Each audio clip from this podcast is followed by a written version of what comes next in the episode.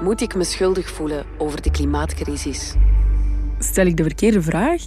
Ik had er nog maar weinig bij stilgestaan, maar Ik denk dat er een verschil is tussen schuldgevoel en verantwoordelijkheid. En als ik dan terugdenk aan die kwestie met Total Energies, willen een olieveld en een oliepijplijn aanleggen in het Murchison Natuurpark. besef ik dat ik mij vooral schuldig voel omdat ik niet meteen mijn verantwoordelijkheid heb opgenomen. Want eigenlijk had ik al veel eerder kunnen veranderen van energieleverancier, maar ik deed het niet. Uit angst voor de schommelende energieprijzen. Zowel onze elektriciteitsfactuur als onze gasfactuur swingt volledig de pan uit. Tegelijkertijd denk ik, ja, verantwoordelijkheid voelt wel als een heel groot woord of zo. Want ja, met of zonder mijn geld is er bij Total Energies eigenlijk niks veranderd. Vermoed ik. Nu weet ik ook wel dat ik als individu geen schuld heb aan hun wanpraktijken. Maar wat is dan precies het verschil tussen schuld en verantwoordelijkheid? Waar begint en eindigt mijn verantwoordelijkheid? En hoe kan ik mijn verantwoordelijkheid opnemen?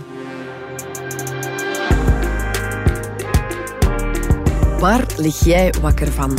Wat houdt u s'nachts wakker? Die vraag. Vijf jonge redacteurs van De Standaard lig wakker van... gaan op zoek naar antwoorden op persoonlijke vragen in de podcastreeks Klaar Wakker. Mijn eigen zoektocht. Dit is de tweede van drie afleveringen over de vraag van Josephine. Moet ik me schuldig voelen over de klimaatcrisis? Ja, misschien moeten we even definiëren, want is schuld niet het verkeerd omgaan met verantwoordelijkheid? Of... Je hoort Cornelius.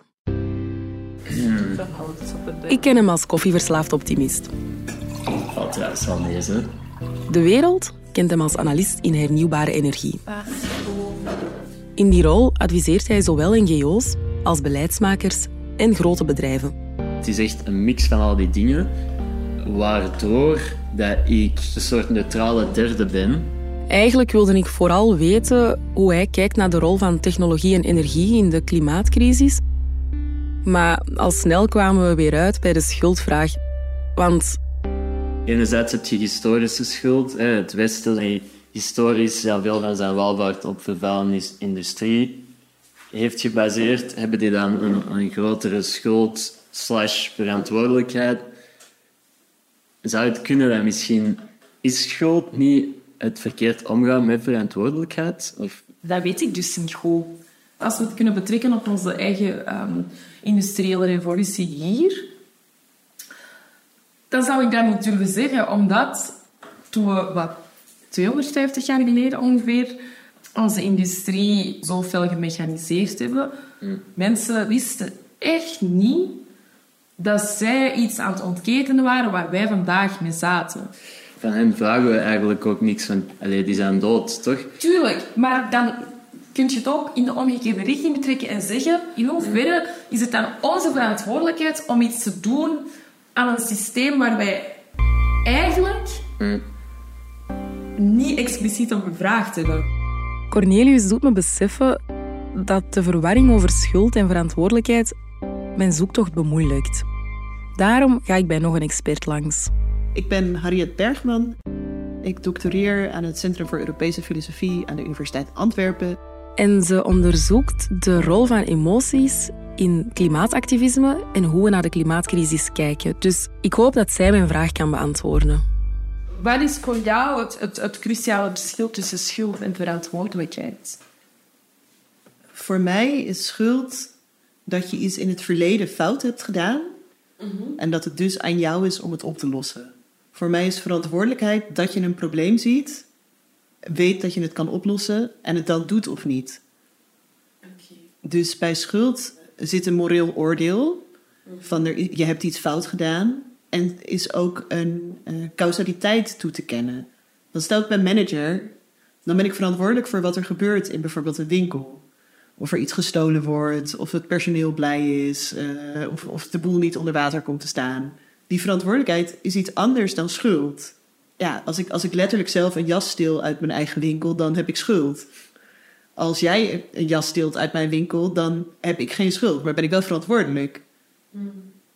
Vind je dat schuld of schuldgevoel Is dat voor u een nuttige emotie? Nee. Schuldgevoelens zijn een hele onproductieve emotie in, in de discussies rond klimaatverandering. Schuld en schaamte zijn dingen die heel erg zelfveroordelend zijn. Uh, die maken dat je minder motivatie hebt om verandering. En dat je niet met het ongemak wil zitten. De schuld is vaak over één ding. Dus je voelt je schuldig over de vliegvakantie. Maar het probleem is heel complex. Dat alleen lost het niet op. Maar door hoe schuld soms is ingezet, is het van je moet je schuldig voelen over dat je vliegt. Maar als jij niet meer vliegt, is het probleem niet opgelost opeens. Schuldgevoelens leiden nergens toe, omdat ze de aandacht afleiden van het grotere geheel. Baudrillard had dus gelijk. Ik voel me vooral verantwoordelijk. Dat klopt natuurlijk. De vraag is, waarom voelt die verantwoordelijkheid dan als een individuele last, terwijl ik goed genoeg weet dat ik het klimaat niet alleen zal redden? Hallo. Dat is oké, iedereen doet dat. Iedereen doet dat. Hey. Hallo, ik ben Rosanne Hensen. Nu ik met deze podcast bezig ben, kan ik de vragen waarmee ik zit eindelijk ook aan mijn vrienden stellen. Al is Rosanne natuurlijk niet zomaar een vriendin. Ik ben Research Coordinator uh, Duurzaamheid Circulaire Economie bij de Sassin School of Management in Bangkok. Dus vraag ik me af of Rosanne dat gevoel van individuele verantwoordelijkheid herkent. Ik voel dit gewoon uh, fysiek. Ja? Ja, enorm. Hoezo? Omdat ik er in mijn werk natuurlijk elke dag mee geconfronteerd word. En dan ook nog in mijn vrije tijd door mijn eigen interesses die ik heb rondom duurzaamheid, rondom de circulaire economie. Ik ben daarin komen te werken omdat ik dat mega interessant vind. Dus het, het is er altijd. Maar ik vind het niet eerlijk dat het er voor zoveel mensen is op individueel niveau. Omdat het niet een persoonlijk probleem is. Als persoon, als individu, heb jij niet de oplossing. Je kan veganistisch eten, je kan zoals ik alleen maar tweedehands kleding kopen of duurzame merken of alles in je badkamer veranderen tot uh, blokjes shampoo, wat dan ook. Maar de oplossing ligt bij het bedrijfsleven. Zij moeten die klimaatschuld voelen, maar zij willen winst maken. Als je kijkt naar de grote oliebedrijven, als je kijkt naar waar dit begonnen is in de jaren 60, 70, ExxonMobil, die hadden een lab voor nieuwe energie. Die wouden pioniers worden in Amerika met we zien wat klimaatverandering doet, wat ons product teweeg brengt, maar wij worden de oplossing. En een paar jaar later zagen ze van shit, dit probleem is zo groot, we hebben niet de oplossing. What do you do when you learn the product that you make threatens the entire planet? Nu gaan we alles doen om mensen om de tuin te leiden, zodat ze gaan geloven dat wat wij al gevonden hebben, dat dat niet waar is. They lied. The scientific data is inconclusive. Er zijn wetenschappers betaald om onderzoeken af te lezen die zeggen van, ah ja, maar wacht. Die voorspellingen die we hier deden, dat valt eigenlijk wel mee. So you start to think, well, who are these people and where are they coming from? Oh, interesting. They're funded by Exxon's foundation, from the coal fired power utilities, Western Fuels Association, Global Climate Coalition, and they're funding climate deniers. Waardoor de mensen die zeggen van ja, maar luister, het is wel een klimaatcrisis, dat het een beetje leek van ah ja, dat zijn de mensen die, ja, een beetje de gekkies die schreeuwen dat, er, dat we naar de get vergaan. There is a real problem with this so-called global warming apocalypse projection. Dus die weten al 50 jaar wat het probleem is, maar doen daar niks aan en leggen de schuld bij anderen. You have the power to make a difference from the moment you wake up. We all have to reduce carbon emissions from our lives. 10 ways that you can reduce your carbon footprint. Your carbon footprint. Your carbon footprint. Your carbon footprint. And even the people extracting the fossil fuels are telling us how we can play our part. Pas twee jaar terug had Shell op Twitter een van de poll geplaatst. Zo van, hey katten, bla bla. Wat doen jullie eraan om jullie voetafdruk te verlagen? En echt zo, de durf om dat aan, als Shell aan individuelen te vragen, on.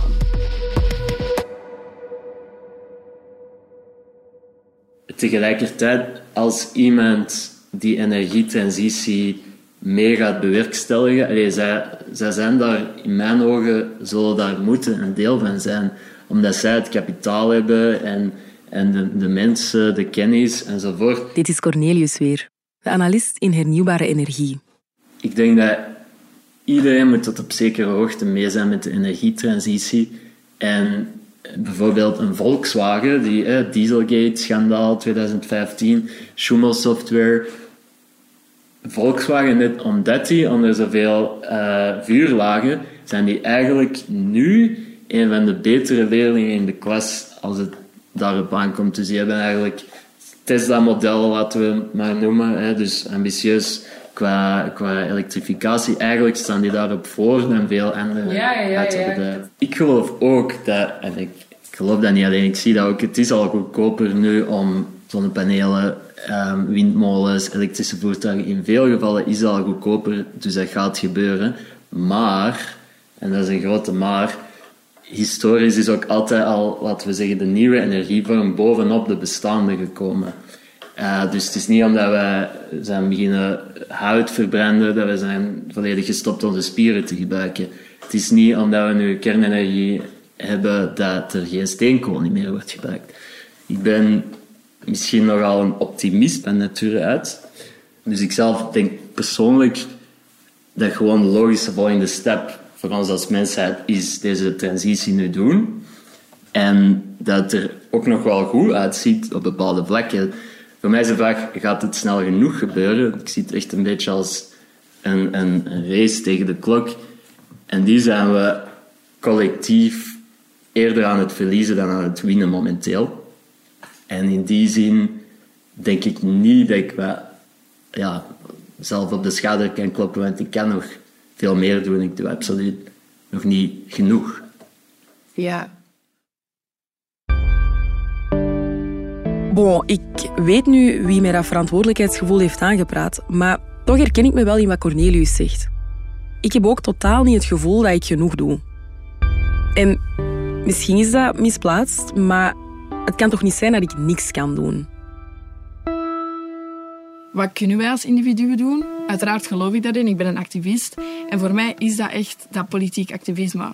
Deze stem ken je misschien al. Ik ben Anona de Wever. Ik ben eh, klimaat- en mensenrechtenactivist. Als al het bewijs dat het onderzoek komt gewoon wordt genegeerd. Brussel 2019. Naar het voorbeeld van de Zweedse klimaatactiviste Greta Thunberg begint Anuna de Wever met de organisatie Youth for Climate de Klimaatbijbeldagen. Week na week sluiten meer jongeren zich aan bij de protestmars. Ik ben zo trots op mijn generatie en we staan er allemaal opnieuw. En we zijn, we zijn veel gezegd dat dat niet ging gebeuren, maar je ziet 35.000. Dat is terug maal drie, hè. De klimaatspijbelaars laten ons land niet onberoerd.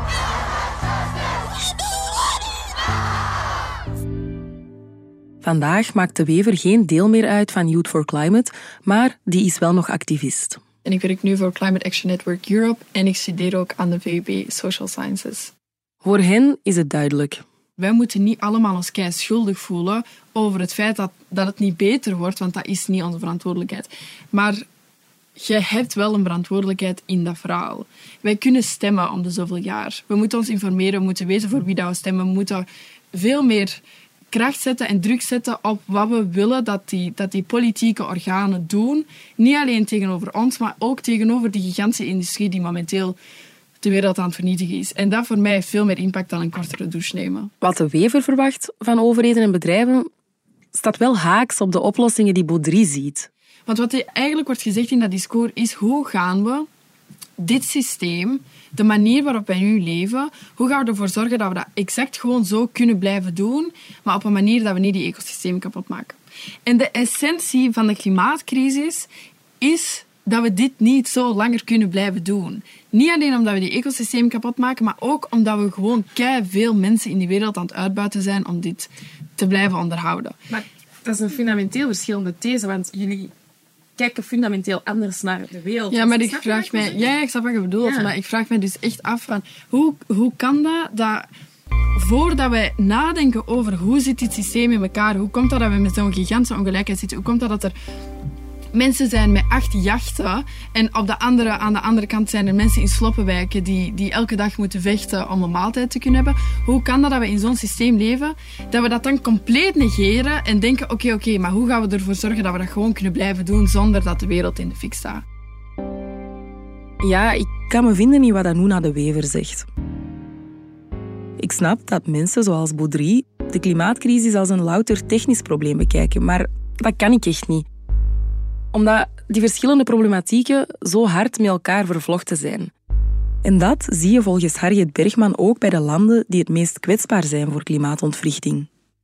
Bijvoorbeeld Caribische gebieden zijn afhankelijk van de visserij, van de agricultuur en het toerisme. Dat komt allemaal door hoe het Westen die landen heeft achtergelaten en door hoe de IMF en de World Bank ze in een soort van neoliberale wurggreep hebben gehouden, hervormingen hebben afgedwongen. En de hervormingen die ze afgedwongen hebben, namelijk jullie moeten in deze sectoren werken, jullie moeten richten op toerisme, jullie moeten deze vorm van agricultuur doen, maakte die landen kwetsbaarder voor klimaatontwrichting. Dus dat is letterlijk de verantwoordelijkheid van mensen hier. Van eh, neoliberaal beleid, van neoliberale ideeën, van niet door de mensen daar bedachte manieren van landbouw doen.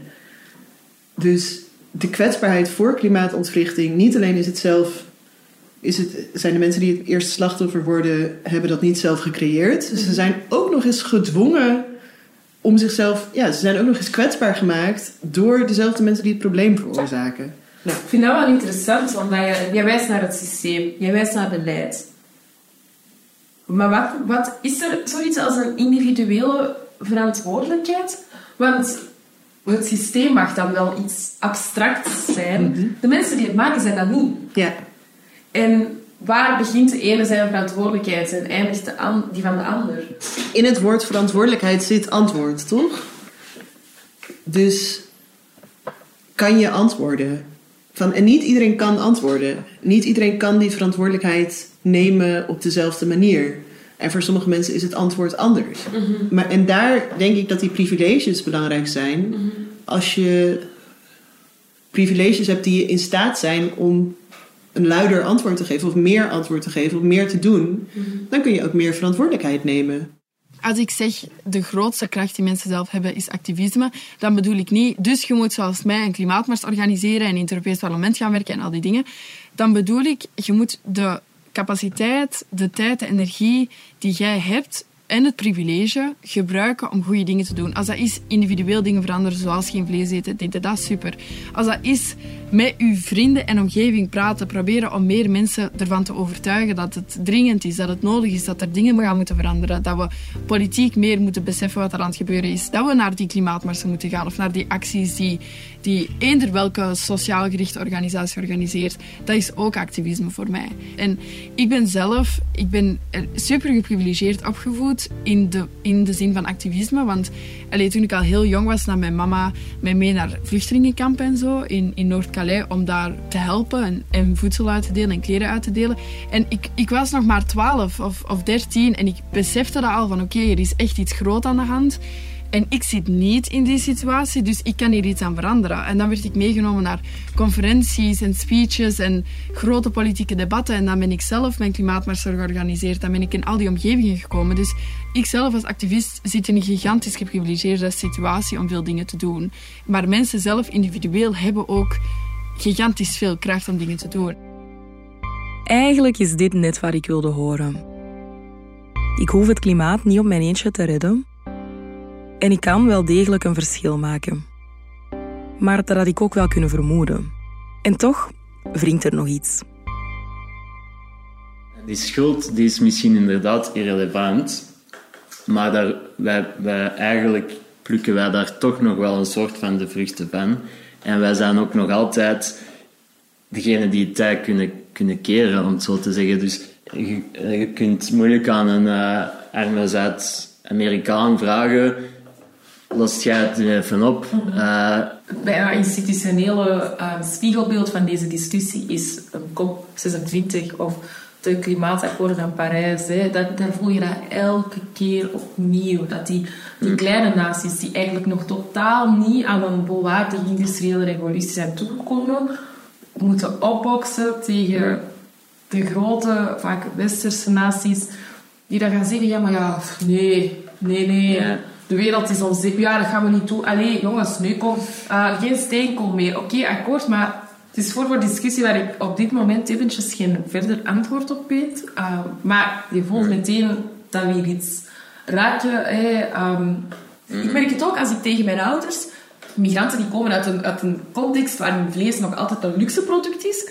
Als ik bij mijn vader thuis ga zeggen dat ik geen vlees eet en plantaardig eet, hij moet daar elke keer om lachen. En ik snap dat ook. Ik snap waarom mensen boos worden van onze keuzes die veel eerder gewoon lijken, terwijl ik moet eigenlijk zeggen dat ze mij geen moeite kosten. Want ik was sowieso al geen grote vleeseter. Maar nu als al die keuzes die wij maken, vol trots zeggen, oh ja, wij zijn groene jongens. Nu als dat voor heel veel mensen wel voelt als een opoffering? Dan is de klimaatdiscussie toch manifest oneerlijk voor een groot deel van de samenleving. Maar waarom is die klimaatdiscussie zo oneerlijk? In dat hele individuele verantwoordelijkheidsverhaal zit ook een heel groot klasseaspect. En is dat dan waar ik mij schuldig over voel? Wat moet ik daar dan mee? Hoe ga je kennis en geluk met elkaar verzoenen? Gaat deze podcast überhaupt nog over het klimaat? Dit was aflevering 2 van de driedelige podcast van Josephine Dapa. De productie was in handen van Sophie Steenhout.